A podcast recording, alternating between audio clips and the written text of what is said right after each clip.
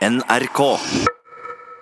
Jimmy Fallon han sto ved siden av meg i sånn et kvarter, og så spurte han meg liksom om hvordan komfyren fungerer, om hvor det er varmest og hvor det kalles. Men man er jo fortsatt på jobb, så man tenker ah, Jimmy Fallon, kan ikke han gå bort, liksom? Ja, det er viktigere ting å Ja. gjøre her. Ja. Han begynte med å studere Jamie Olivers kokebøker. Han sa nei til universitetsliv og realfag, og stakk til Sveits på kokkeskole istedenfor. Siden da har han jobbet i Sveits, Tyskland og nå sist New York, og tre stjerners fancy-pansy sted på Manhattan. Petter Suikari er hjemme i Kautokeino for en ekstremt velfortjent juleferie. Han er kokk, og vi prater så klart om mat, sinte kokker, minstelønn i USA og blodpølser.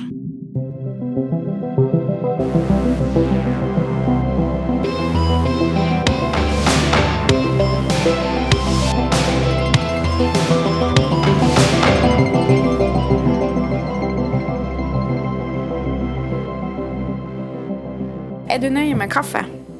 Jeg er ikke så nøye med kaffe. Um, jeg drikker, drikker uh, dryppkaffe eller vanlig kaffe også, men cappuccino er det jeg bruker å gå for. I, i, i, hvert I hvert fall i New York, så jeg alltid for cappuccino. Da kan man få en god kopp. Men lager du hjemme, eller eh, Jeg, jeg er ganske lat når det kommer. Det, jeg, jeg trenger ikke kaffe. Det er ikke sånn at jeg faktisk må drikke kaffe hver dag.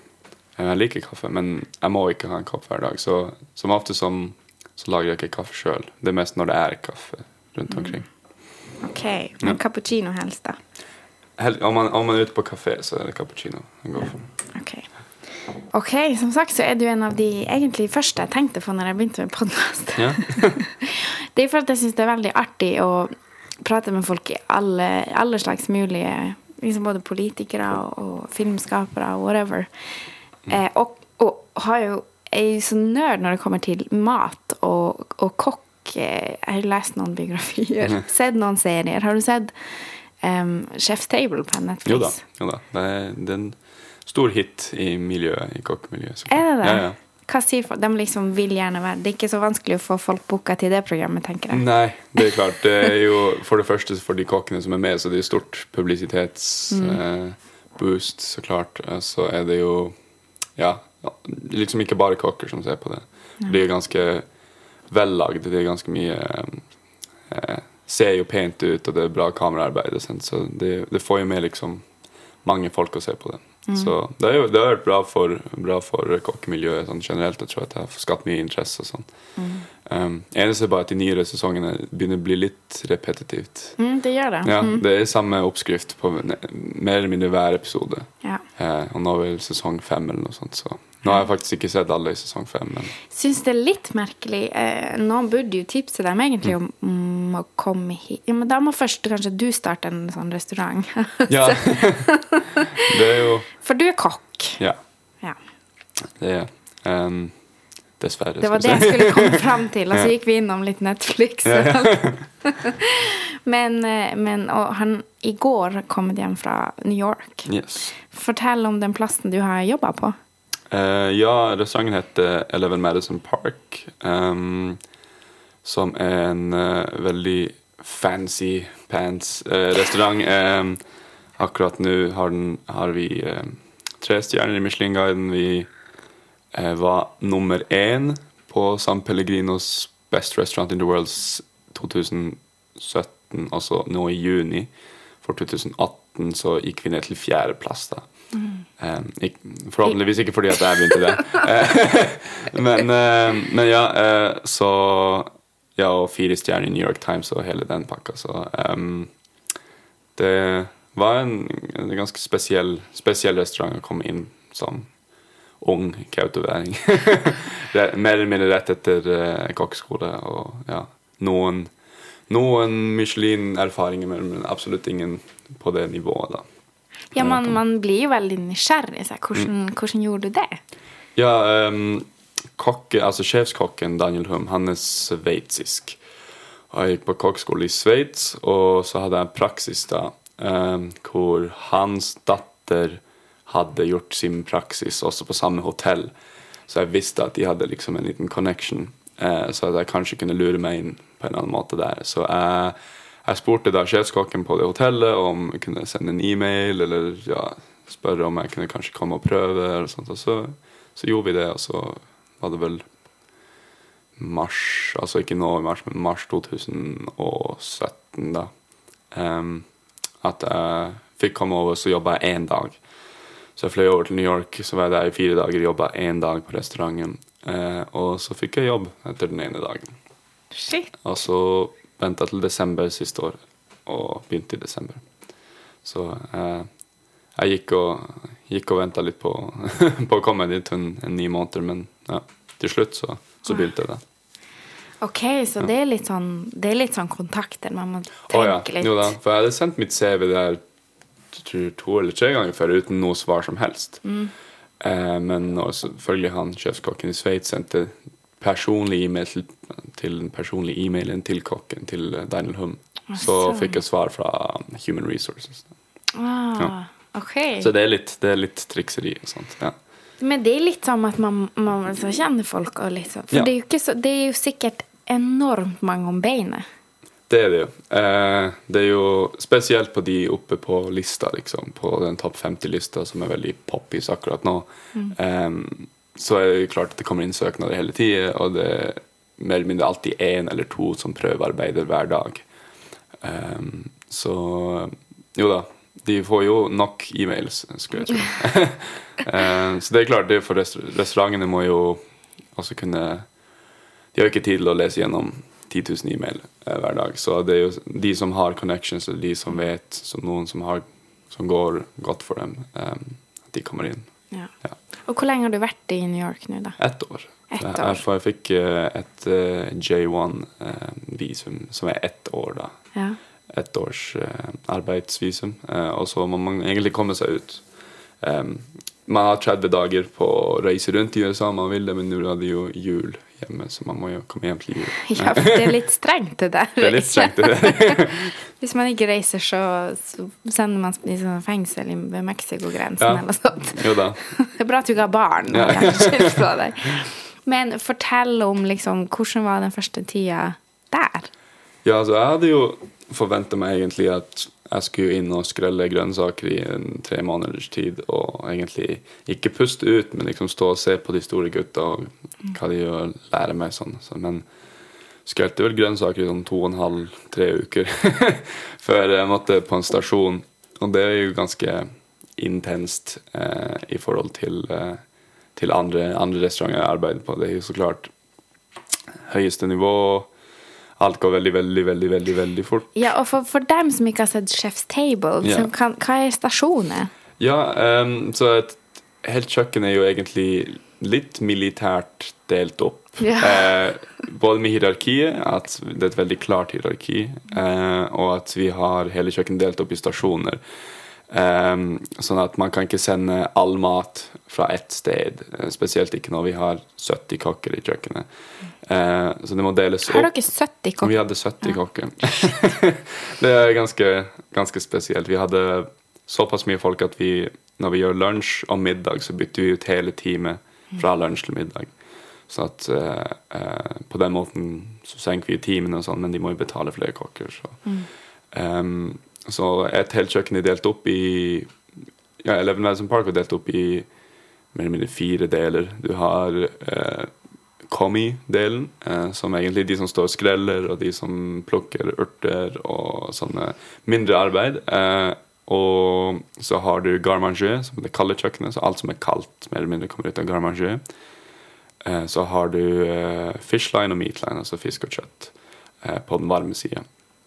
Så det er de fire hoveddelene. Og så innafor der så har du igjen stasjoner, selvfølgelig. Du har fire-fem personer på Garmanger, og de har hver sin rett. Og så kommer det én og én ting fra den personen. Så man får jo et ansvar, men når man ser på hele menyen, som også er på sånn 11-12 retter, så har jo hver person et veldig lite ansvar når man ser på alle greia. Men eh, det bryr jo ikke de seg om. Det skal jo, alt skal jo være rett, og alt skal være i tide, og alt skal være varmt eller kaldt, eller ja, riktig temperatur. Så når man vel blir satt på en stasjon, når man kommer av Komi og skal inn i Garmanger, som de fleste begynner Ja, for at man begynner liksom på Ja, det går, det går jo også sånn stige, liksom. Man, eh, jobbe seg opp. ja, alle har jo samme lønn, og alle har jo teknisk sett samme jobbtittel, men eh, hvor du jobber på hvilken stasjon, har du jo høyere og høyere prestisje, da. Eller, ja.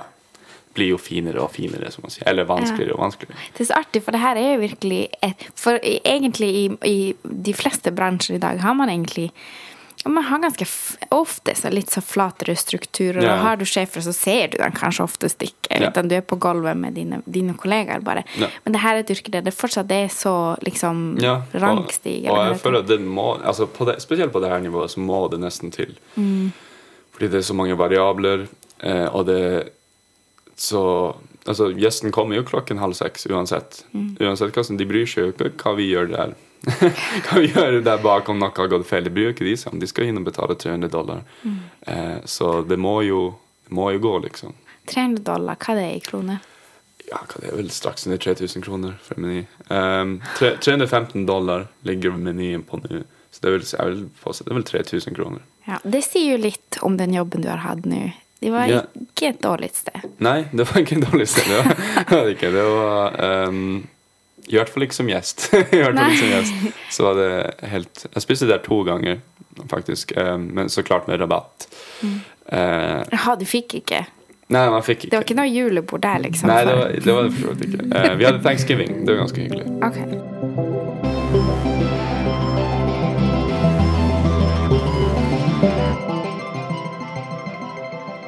Klokken fem hver dag så eh, skal alt smakes. Eh, så da går sjef, hvem som nå er sjef den dagen, skal gjennom hver eneste punkt på lista.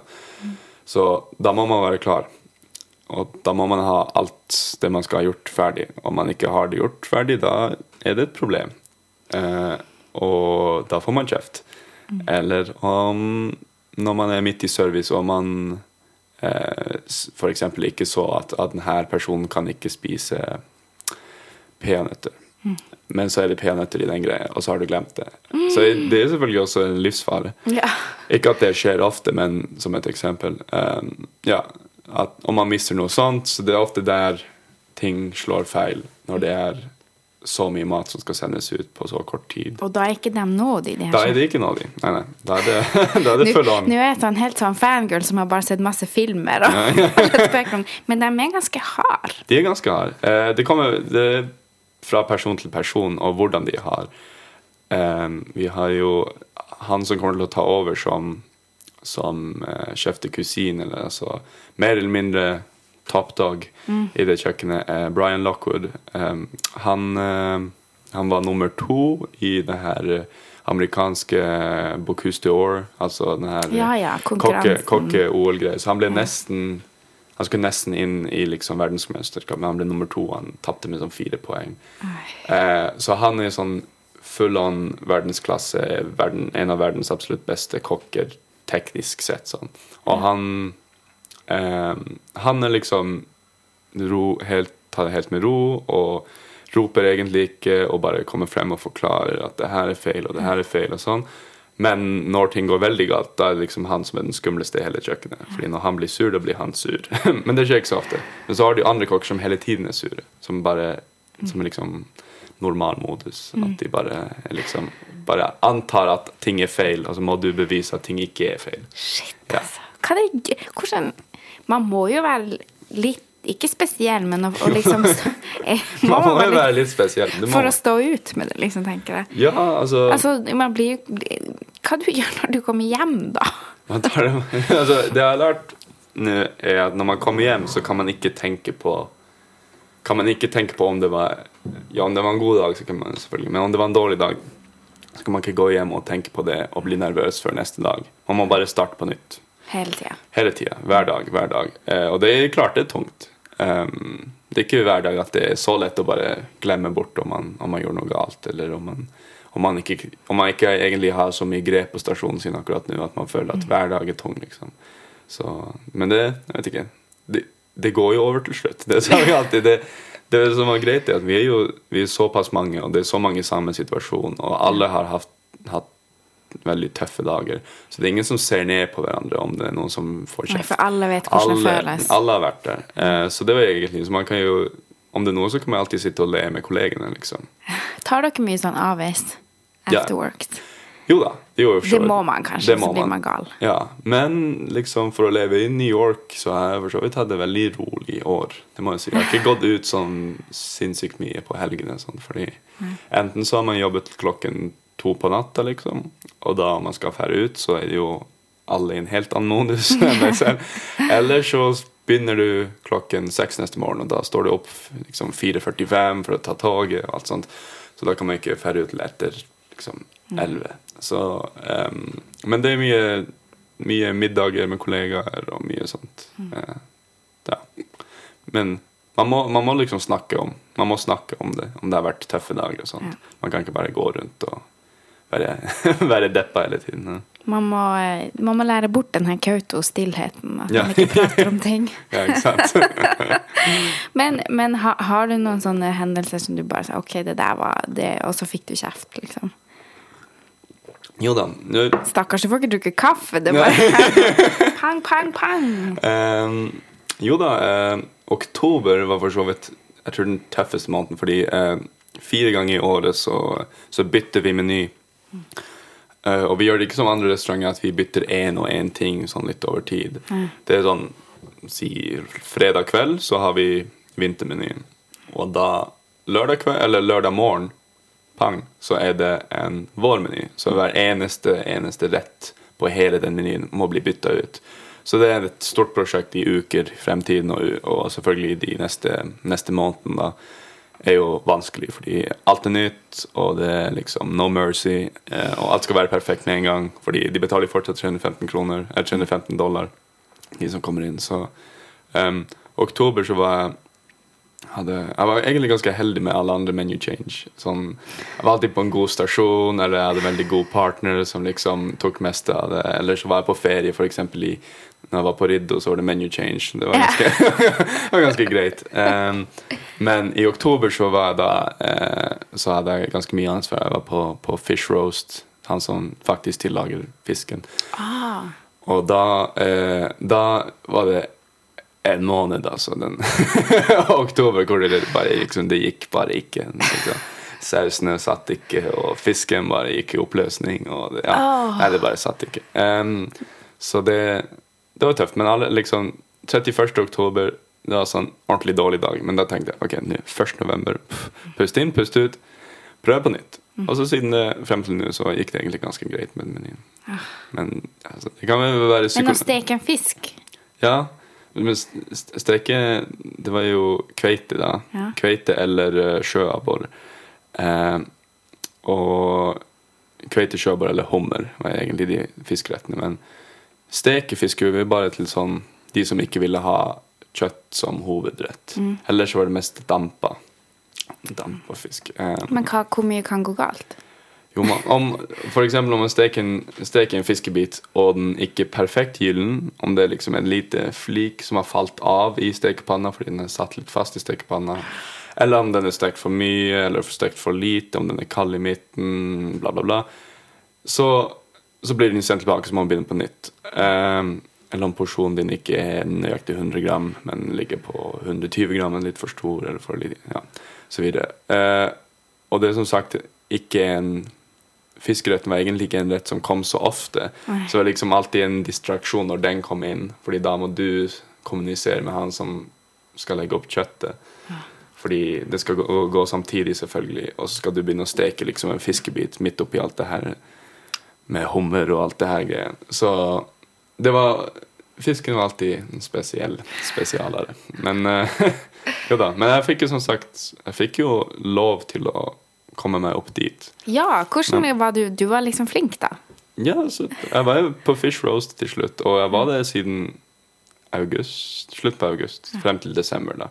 Så det var en, en god porsjon eh, med, med høyt ansvar, og fikk lov til å lage saus, som alltid er en sånn prestisjegreie. Eh, så jeg fikk lov til å lage saus til to menyer, eh, og, ja, og røre proteiner. Det er jo det at de som er den som er meat roast og den som er fish roast, det er de eneste som egentlig får lov til å røre proteiner, altså røre kjøtt eller fisk. Ja, Alle andre jobber jo mest bare med grønnsaker eller med garnityr og sånne ting. Pureer og greier. Ja. Det er så morsomt å høre. ja. Ja. Det har liksom vært Men det, det sa jeg også når jeg spiste på restauranten, at man det legger man ikke merke til når man er, går på jobb. Man ser jo bare sin lille, sin lille stasjon og sin lille ting. Og Ja. alt du gjør, er det viktigste i hele verden, og ingenting alt annet liksom bryr man seg ikke om. Men når man spiser hele menyen, så tar man liksom, ser man verdien rundt det hele. Så det tror jeg egentlig alle som jobber på en restaurant, bør egentlig sette seg ned og spise en gang hvor de enn jobber, Ja. og få se liksom hele, hele måltiden, på en måte. Ja. Det åpner opp, åpner opp litt. Hvor du bodde i New York? Bodde i Brooklyn, Hvor i Brooklyn? i Williamsburg.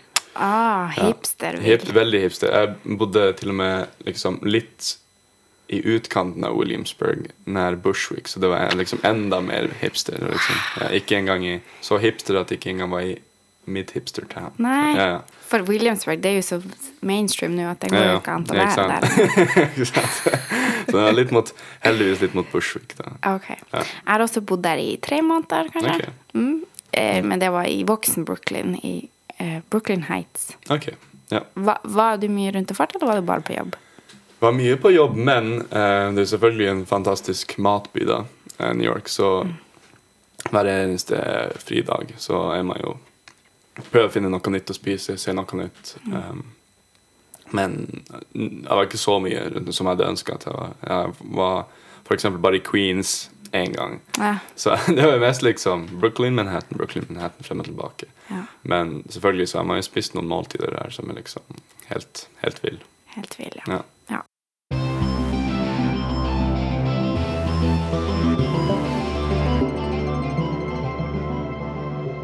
Ja, altså hvor og når begynte denne matinteressen? Det vet jeg ikke egentlig. Um, For du er jo vokst opp her, hvordan, i, i lille Kaut Det lurer man jo veldig på, fra lille Kautokeino, hvor vi, ja, bortsett fra hotellet, ikke har noen restaurant. Hotellet var jo brent i masse år også, sikkert når du var Jeg tenkte, Nå skal jeg snu litt på det her. Istedenfor å spørre hvor gammel du er, så skal jeg si når du var tenåring, hvordan musikk var inn da?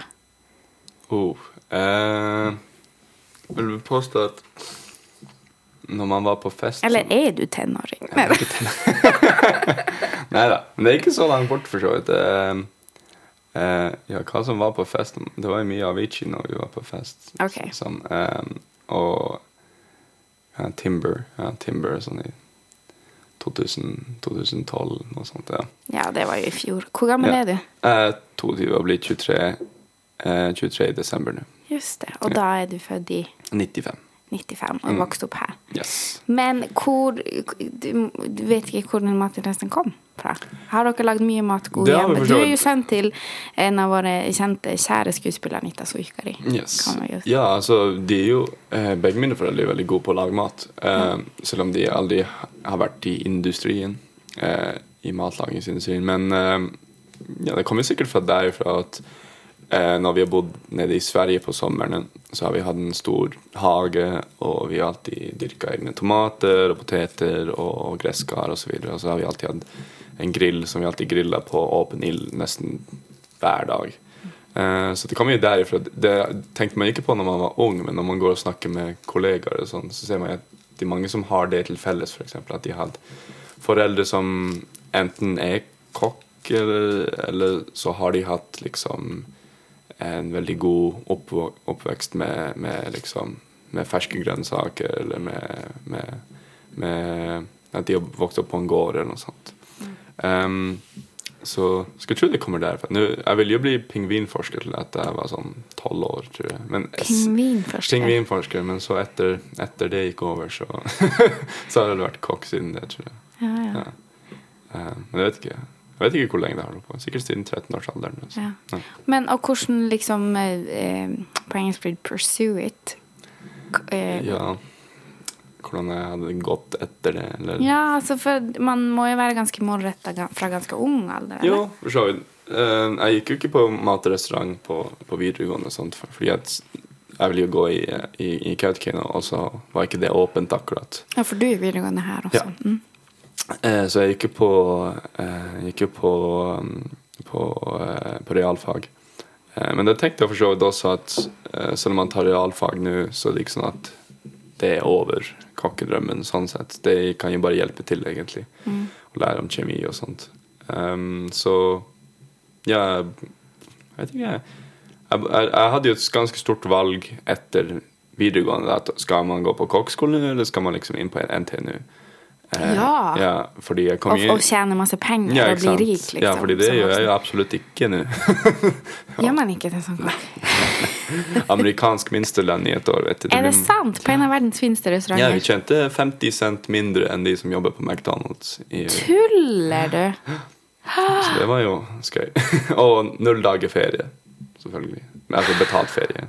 Jeg fikk jo ta noen dager her og der, eh, og fikk dra hjem eh, i ti dager over, over um, sommeren. Men det er ikke noen, på kontrakter så har du ikke noe ferie. Nei. Og minstelønn. Amerikansk minstelønn. The American dream, altså. American dream. En høy, hø, høgste hønsen, altså høyeste sjefen, dem Jo, han, altså Daniel Hum, han tjener vel, vel fett med penger. Men det, men det er fordi han har jo begynt å jobbe liksom opp et franchise her. Han har jo flere restauranter, han har jo hoteller og sånt. Ja. Um, Man må egentlig være litt entreprenør for å tjene de store pengene. det tror jeg. Det virker, altså, når man vel tjener penger i USA, så tjener man penger, liksom. Mm. og mine roommates, eh, de var jo alle innenfor liksom eh, finans eller eh, recruitment eller liksom reklamebransjen. Og de tjente jo egentlig ganske greie penger. Eh, så når man vel går over minstelønnsnivået, så tjener man gode penger. Men som minstelønnsarbeid, som mange gjør i USA, eh, ikke så amazing. Men ganske amazing å bare ikke å være black og bo i New York og gjøre Ja. det man vil. ja. Det er jo litt eh, Har man jo drømt om. Jo da. det hadde også vært helt greit å bo i New York og Tjene gjøre det man drømmer og tjene litt penger også. Men, Men, du kanskje gjør det siden? det kanskje man gjør. Tror du at du kommer hjem noen gang? Eh, ja, altså, jeg tror ikke at det kommer dessverre å åpne en restaurant i Kautokeino City. Um, bare på grunn av egentlig um, av at det er liksom ikke så mye influks med folk eller turister akkurat nå, sånn som det er nå, og uten flyplass og alt sånt. Um, så akkurat nå så ser jeg egentlig ikke et marked for det her.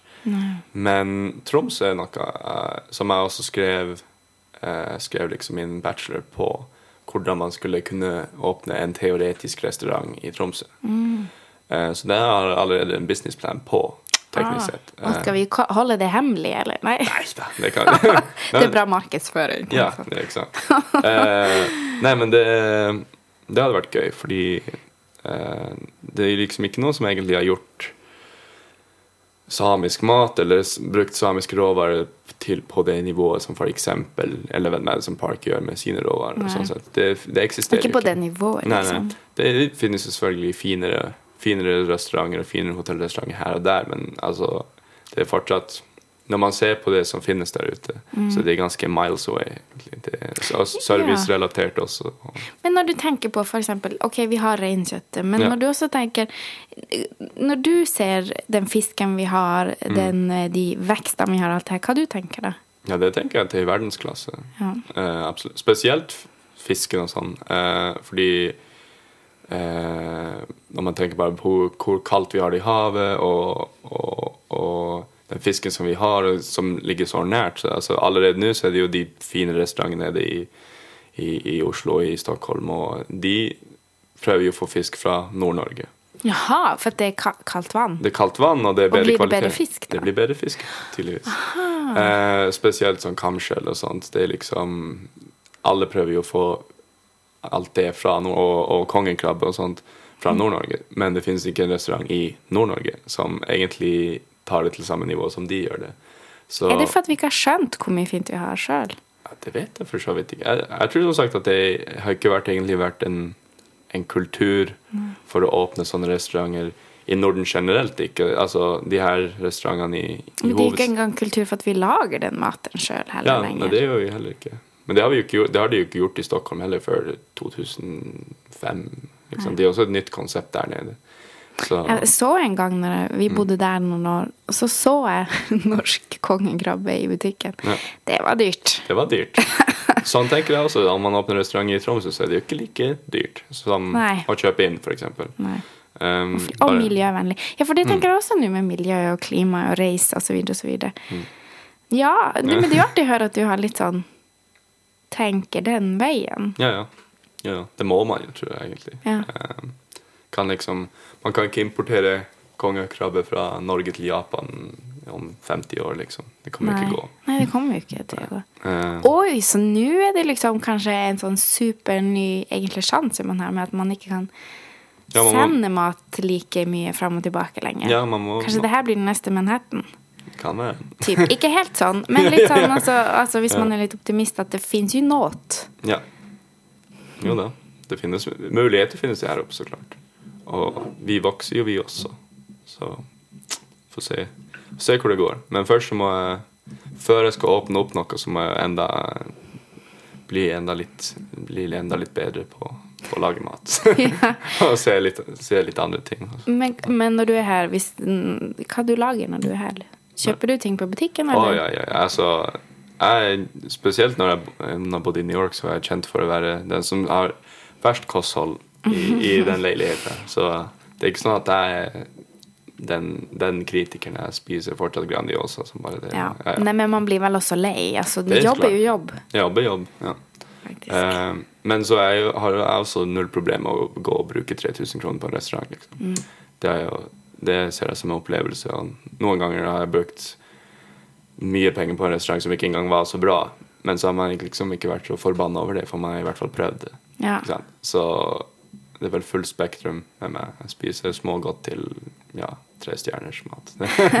Men når du skal lage sånn parat Nå når det er snart jul, da. Mm. Det, sitter du bare i sofaen, eller? Sitter mye i sofaen. Sitter ganske bra mye i sofaen. Ehm, fordi som sagt, eh, mamma og pappa de er gode på å lage mat, så eh, de bruker som oftest ta mest av julematen. Ja. Ehm, jeg, jeg gjør ikke så mye der til julematen, egentlig. Men lager du noe Så har du noe sånn paraderetter? Det vet jeg ikke. Eh, Det er sånn broren min som er musiker. Han skal være helt stille i huset i jula.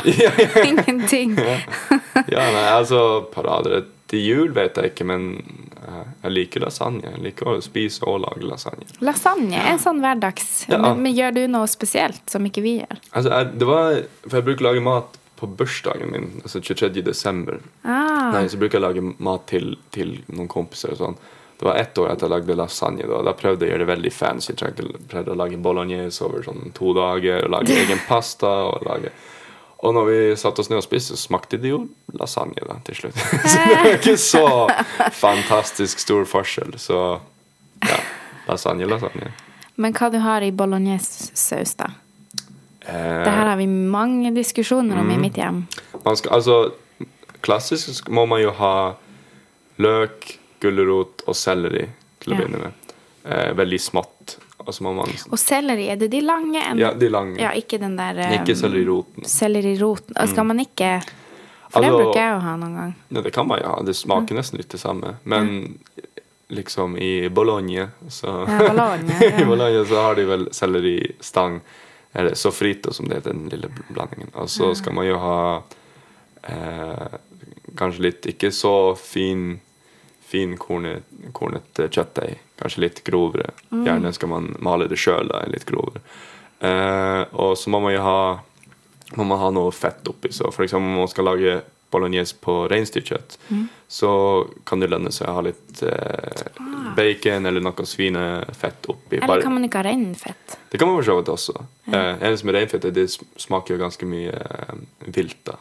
Så det blir en helt litt annen smaksprofil på, på bolognesen. Som ikke nødvendigvis er dårlig, men, men man Men ikke bologna. Det hadde er ikke det Nei, bologna skal det vel være ja, Det skal ikke være kalv, men det skal være, skal være De er veldig strikte på det skal være. Og så skal det egentlig ikke være så mye tomat.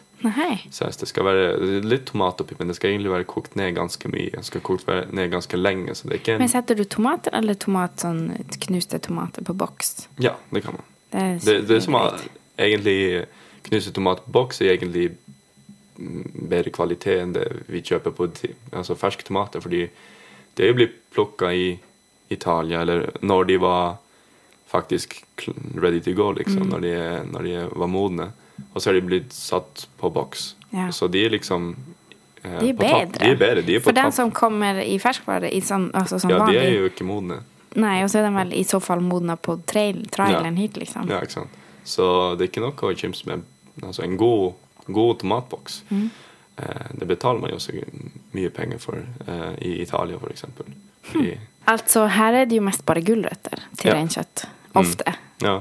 Hva du bruker å gi Ja, til altså- reinkjøtt, for eksempel?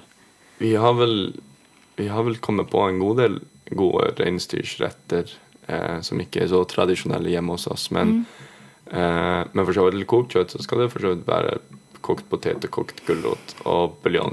Men får man ikke ha en litt sånn kålrabi Jo, det får man for. Ja, det får man. Og vi gjør vel til og med med Urter, da?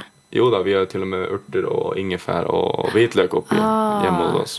ja. Eh, eh, som er veldig, veldig kontroversielt. Følte du deg utenfor når du var liten her, at vi har ingefær? vi har ingefær i kokt kjøtt. Torde du å si det? Jeg tror jeg nok ikke. Holdt det hemmelig.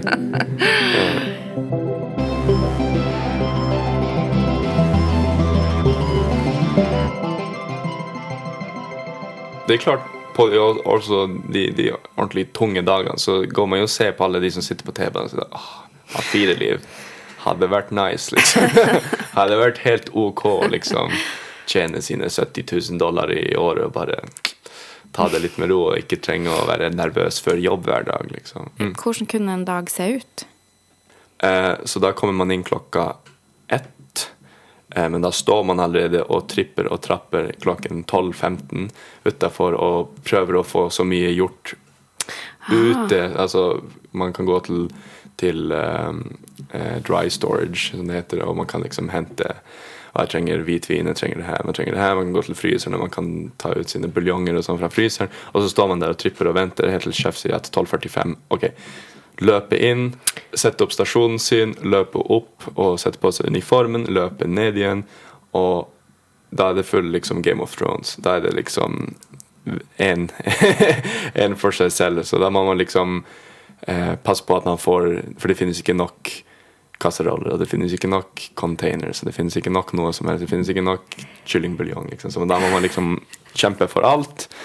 Og så har du da til klokken eh, kvart over fire.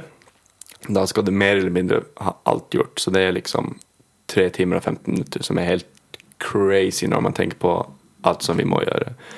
Uh, og så skal du også ha lagd en del til family meal, da, fordi da kvart over fire så er det family meal, og da må man sette seg ned og spise. Og så løpe inn i kjøkkenet igjen, og så klokka fem så er det da tasting. Uh, og det er da dagen din avgjøres. Ja. Uh, fordi om du har en dårlig tasting, ja, da Det er ikke gøy. Eh, fordi klokken halv seks så kommer gjesten uansett. Og her i Josson restaurant det er ikke sånn at om noe er galt, så sier de ja, men da gjør vi det bedre i morgen. Nei, da skal det skje nå. Ny saus, eller eh, bygge nye ting. liksom. Alt fra scratch. liksom. Om det må til, så må det til. Det er også derfor vi har så mange kokker. at Vi har nesten, vi har nesten som et sikkerhetsnett. Det finnes alltid hender som kan hjelpe til. Men det er ikke gøy. Man vil klare det Man vil klare det sjøl. Eh, og så fra halv seks til halv tolv så er det bare service. Sende mat, sende mat, sende mat, sende mat. sende mat. 150 pers.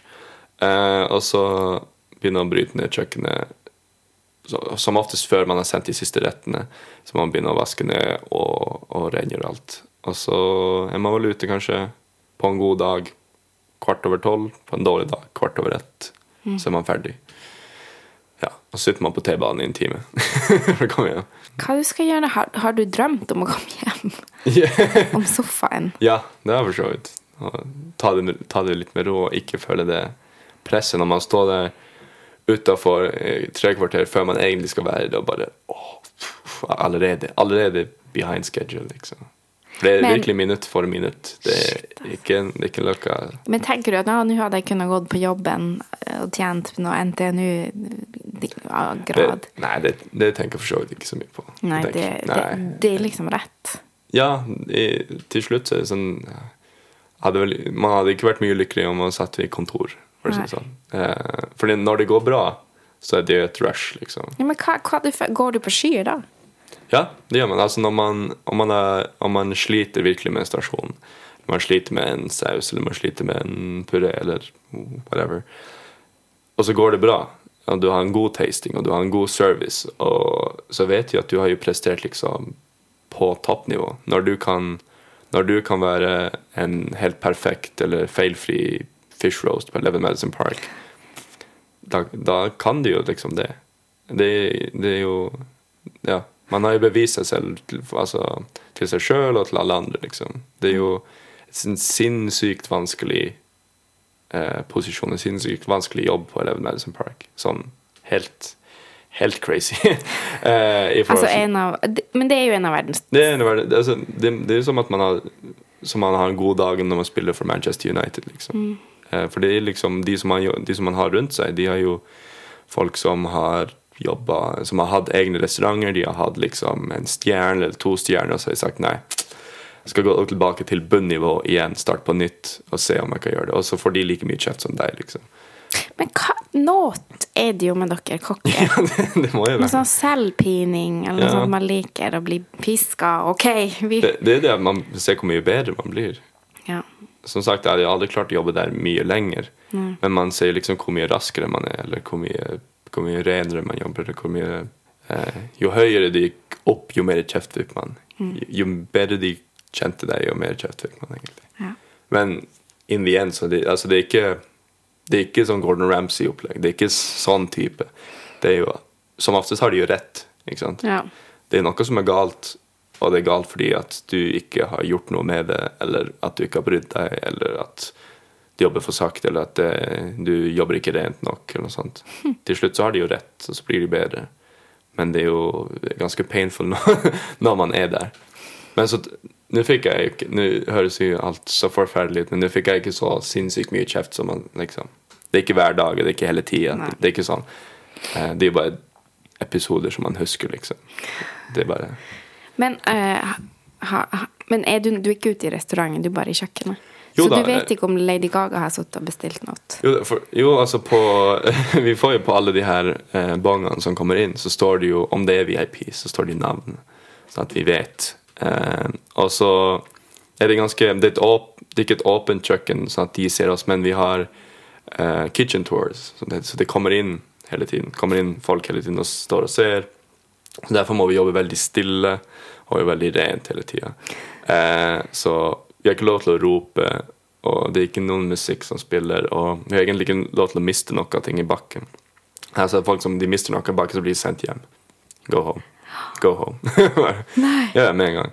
Så, eh, så jeg har sett noen kjendiser. Altså, skal, jeg skal ha sett noen flere, men jeg, jeg jobbet ved, altså Jimmy Fallon han sto ved siden av meg i sånn et kvarter fordi han var dritings. Eh, og han, han sto ved siden av meg i et kvarter og snakka med, med vår headsjef, og så, og så spurte han meg liksom om hvordan komfyren fungerer, om hvor det er varmest og hvor det kaldes. Men man er jo fortsatt på jobb, så man tenker oh, Jimmy Fallon, kan ikke han gå bort, liksom? Ja, det er viktigere ting å Ja. gjøre her? Ja, uh, så Det var en, en lang stund hvor Bjørk var den største kjendisen jeg hadde sett der, sånn, sikkert sånn seks måneder. Men så kom liksom Tony Hawk og Ariana Grande og, og Neil Patrick Harris og den gjengen. Liksom. De kom fort. Tenker du på det? Bare så her Man tenker, man tenker litt på det, ja, det er jo kult, men så er man tilbake. Ja. Så, så er det fokus igjen. Men Hvis noen hadde sagt til deg når du var 15 og gikk på ungdomsskolen her i bygda at eh, du skal Ja. gjøre det Nei, det hadde man ikke tenkt. Det hadde jeg ikke tenkt på. Liksom. At man står der. dem som spiller, Han som spiller i Hva heter My How I Met Your Mother. How I Met Your Mother. Ja, det er barn fra How I. Han var der med, med kjæresten sin. Ja. Eller med De er vel, de er vel gift? De Altså. er gift. Ja, de er gift. Mannen. Mannen Ja. Det hadde man ikke trodd. Det hadde man ikke trodd. Men så nå er du mellom jobb. Men du er ikke så bekymra akkurat? Nei, altså, jeg har jo, jeg har jo intervjuer. Ikke noe dårlig CV nå, akkurat? Det har man heller ikke. Nei. Det man, kan jeg ikke påstå. Så jeg er ikke så, sånn si, jeg er ikke så bekymra over at jeg ikke skal få jobb. Ehm, men jeg må ta, ta det litt rolig nå. Ta det. Det føles ganske fritt, egentlig. Og ikke om seks måneder så vet jeg ikke hvor jeg er. Ja. Uh, og det er ikke noe som jeg er bekymra over. Uh, fordi at jeg vet, alt, jeg vet alltid at jeg kan få jobb et eller annet sted. Eh, så det føles jo greit å på en måte velge litt nå. Kan velge litt hvor jeg vil gå. Det jeg tenker sånn, det enorme tempoet i du har vært nå, sikkert Mm. egentlig før New York i mange år, for det livet er jo sånn. Det at du vokste opp her, hvor det er veldig stille. Ja. Tror du at det har på en måte for, forberedt deg ganske bra på en sånn livsstil? Ja, at jeg har venta med å speede opp. Jeg vet ikke, det um, Jeg er vel blitt ganske god på liksom å, å skille liksom skille privatliv fra jobb, sånn sett. Og kunne ta det med ro når jeg skal ta det med ro. Eh, så Men jeg tenker det at når du stresser som en idiot der, og vet at eh, det fins en annen verden, der det, det her Ja. er ikke alt, liksom. Men det, det, det hjelper, som sagt. Det hjelper. Eh, at ja Uansett hva som skjer, så kommer i dag også til å gå over. Yeah. Det kommer til å bli ferdig. Eh, og til jul så drar jeg tilbake til Kautokeino og kan ta det med ro. Så.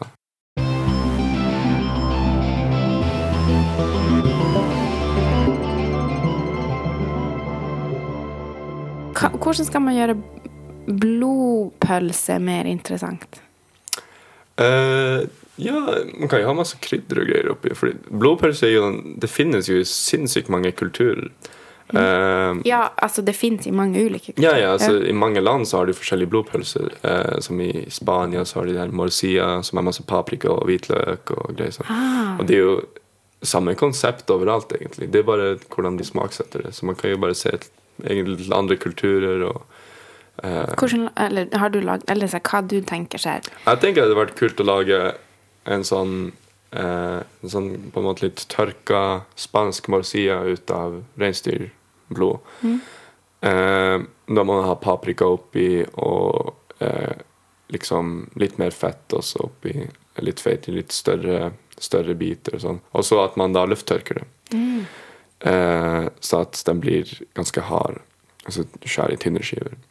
Eh, det er noe jeg ikke har prøvd, faktisk, men det er noe som jeg hadde lyst til å prøve på en, en lang stund. Ok. Ja, Ja. for jeg, jeg også liksom prøver å Jeg er jo ikke fra sånn reindriftsfamilie, så Nei, nei. det er noe jeg må venne meg litt til. Og det er vel greit, men jeg tenker ofte sånn Men det her kunne jo vært bedre. Ja. jo da, men det, det er jo bare å eksperimentere, liksom. Ja, men men hva er dine viktigste liksom, ting du har i skapet for å Nå tenker jeg, nå tenker jeg mer sånn krydder og Ja, sånn. ja. Ehm, ja, altså, for meg er smør, smør liksom number one ingredient. uh, men eh, ja, jeg har jo vokst opp med mye urter, da. Siden vi har hatt urtehage, så har vi alltid hatt tørka urter og sånn. Så det, det hjelper alltid å ha Spesielt i Kautokeino, hvor man ikke kan få tak i ordentlig gode ferske urter, egentlig. Nei. Bedre Jeg har god connection på butikken her. Jeg bruker okay. å kunne legge inn litt bestilling. Yeah, yeah. Fikk koriander her. Litt. Ok. Vi, begynte med, vi begynte å lage taco med litt sånn uh, reinkjøtt som vi steker hele dagen i ovnen. Slow cooking. Mhm. Ja, ja. Og så rive Litt sånn pulled reindeer. Pulled reindeer, ja, med, mm, eller pulled mousse, og så kjører vi litt hjemmelaga. Det er ganske godt. Det er. Det er nice. Det er litt sånn Sápmi mint Mexico. Ja. Sapmex. Um, Ja. um, ja, jeg er stor fan av soyasaus og sånn. Ah, Um, og sånne greier. Um, og honning og sånt. ok, ja, for det er jo veldig godt. Ja, god honning er en god honning, liksom. Ja.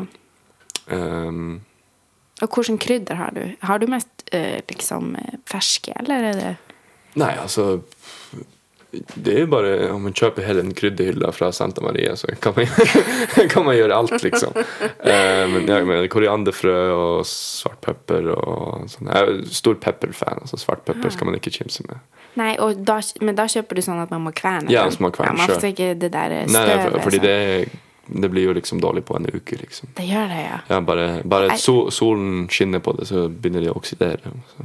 Ja. Nei, for det hadde jeg tenkt at det, smaker jo faktisk bare støv av Ja, ja. sånn pepper som står Ja. Sammen med paprika, så man skal egentlig ha paprika foran altfor lenge. Fordi spesielt, altså Altså sånn- paprikakrydder. Ja, altså, altså ja, pulveret. Ja. Fordi om, om man åpner det, så står det i solen i en måned, så smaker det ikke paprika lenger. Liksom. Nei. Dessverre. En sånn her pep, sånn her, hva det heter Grillkrydder. Hva tenker du om det? Altså Du elsker det. Jeg er ganske stor fan av en, en Grandis med grillkrydder på. Det er, det er liksom Det er ikke, det er ikke ille. Men, men altså, det er også bare Det er jo sellerisalt og kummin og paprika blanda sammen. Det er ikke dårlige, dårlige greier, det heller. Um, men grillkrydder på alt er jo ikke nødvendig. Men visse ting til visse ting. Ja. Som, som på Grandis.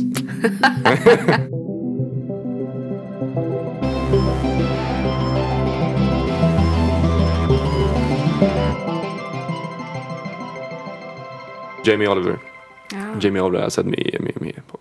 Det har, det har jeg. Ja, eh, for han er jo fortsatt genial. Liksom. Er han det? For Han jeg har alltid lurt på i så her kokkeverden, er han så sell-out, eller er han på riktig? Ja, altså Sellout er han jo, men, men liksom All kudos to him, fordi han er jo liksom milliardær. Mm. Eh, det er ikke sånn at vi går rundt og åh, jeg skulle aldri vært milliardær sjøl. Aldri ville ha bytta liv med Nei, han, altså. mm, mm, nei, nei, nei. Eh, nei, altså han, han har gode oppskrifter, han har gode smakskombinasjoner. Jeg er jo fortsatt megafan av Mm. Jamie Oliver. Um, og jeg tror at fleste i kokkmiljøet også har ganske mye respekt for ham på den, på den måten at han har liksom Han er entreprenør. Han er det. Han har jo klart seg bra. Nå nå er det jo mange som har gått på hans restaurant og sagt at eksempel Jamies Italian ikke er så kjempegodt som det skal være, men det er jo ikke han som står der, liksom. Oppskriftene hans de fungerer jo. Ja. Du kan, om det går gjennom boken hans, det funker alltid. Det er jo godt. Altså, jeg var litt sånn Jeg hadde tenkt litt sånn cred i, i kokebokhylla mi. Mm. Eh, jeg har jo kjøpt, kjøpte jo noen kokebøker når vi var i, i, eh, i New York. da. Mm. Det er jo veldig sjelden jeg lager noe derifra. Det er jo alltid Jamie Oliver-bøkene Ja, ja. som jeg gjemmer lengst bort. som vi Ja, skal se. Men da vet jeg at han er ikke så ukredd. Nei, nei, han, han, er, han, er, han er bra. Han er Altså, legit.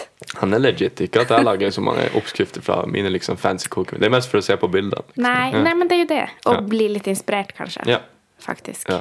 Men her uh, hjemme hos Jamie den har sikkert lagd hver eneste oppskrift. Men den er god, den boka. Den Den, er- fins ikke så mange steder. For den det var det en av de f Det Nei! første. Hjemme hos Jamie, den der han der urtehagen. Ja. Ja. den har jeg her. Ja, ja. Den er good. Den er god, Ja. faktisk. Um, og det, det var ganske kult på, på kokkskolen. For jeg, jeg tenkte at jeg, jeg har jo vært den eneste freaken i Kautokeino som har sittet og lest den i, i ung alder. Uh, og Vi var to. ja, to, Jeg var litt før, eller så jeg litt eldre enn deg, men ja, ja. men fortsatt. Ja. Eh, og selvfølgelig en som var egentlig kjempeinteressert i matlaging.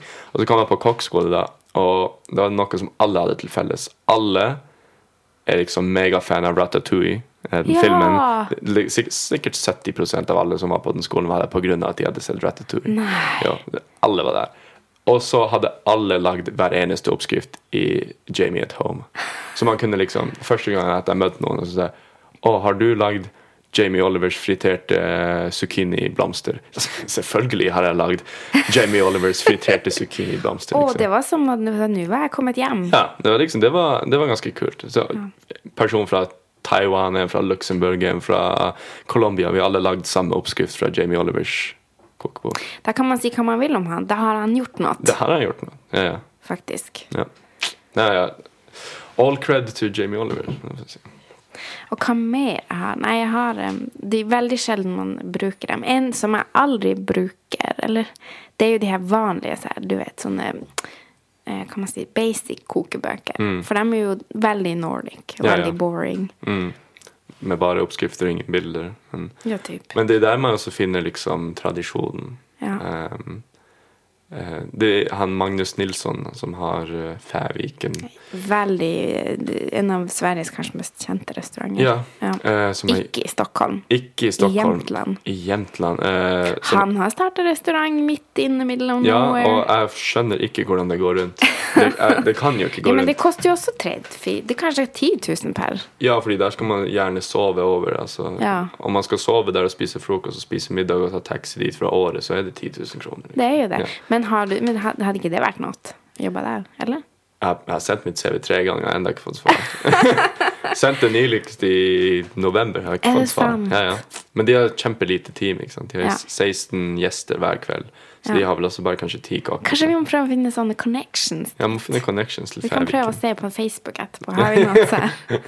Ja. Eh, nei, det hadde jeg for, hadde for så vidt likt å jobbe på Færvik. Men han, kom jo ut med den her Nordic Cookbook for noen år siden. Og nå kom han ut med Nordic Baking Book. Mm. Altså, som er i stil med de her gamle, klassiske, store bøkene. Men han har jo liksom reist rundt i hele nordområdet og Mm. tatt inn alle de her veldig gode oppskriftene. Så det er godt julegaveønske. Eller det, jeg har jo de bøkene, men til tips, julegavetips til folk som er interessert i sånt, um, er de bøkene, fordi de er veldig bra også. Ah. Men kanskje litt kjedeligere enn enn Jamie Oliver, nettopp med alle fine bilder på ferske tomater og sånt. Men Men jeg tenker når man sitter på Manhattan, så er det fint å ha den der Nordic. ja, Og når man sitter i Kautokeino, er det fint med Jamie Oliver. Ja. For man vil jo alltid ha det man ikke har nært seg. ja, det er sant. Hva du hadde sagt til deg sjøl hvis du hadde truffet deg sjøl som ung her i hjembygda? Selv om det ikke er så lenge siden. To Ja. år siden. Nei da. Ja, litt lenge. Litt lenge. Ja, nå flytta jeg hjem fra nesten fem år siden. Fire-fem år siden. Ja. Nei, jeg vet ikke. Jeg hadde sikkert sagt at uh, uh, At om du om du har lyst til å bli kokk som finnes, så kommer jo muligheten. Og at det ikke At så fine restauranter som du egentlig bare drømmer om å jobbe i nå, de er ganske nært. Så bare liksom get ready. uh, og at uh, Jeg jobber jo som frokostkokk på hotellet. At Her. her Ok. eh, som var ganske ikke så gøy når man gikk på skole eh, fem dager i uka, og så måtte man stå opp tidlig og gå på frokostskiftet i helgene, så jeg fikk aldri sove. Da tenkte jeg åh, really? Er det her? jo, men det var, det var bra, bra erfaring å, å starte, liksom, få litt profesjonell rutine og sånn. Så det er bare å holde ut med det. Hører du, det her var kjempeartig. Ja, takk Eh, og det er derfor vi lager pod, for å nerde oss For å ned. nerde oss ned. Men eh, du får ha en superfin jul. Ja, takk det samme. Målen Lisa Marie Kristensen gille se on fast tekniikalas oftast vasti Tämä podcastas My Old Man Nils Martin Kristensen.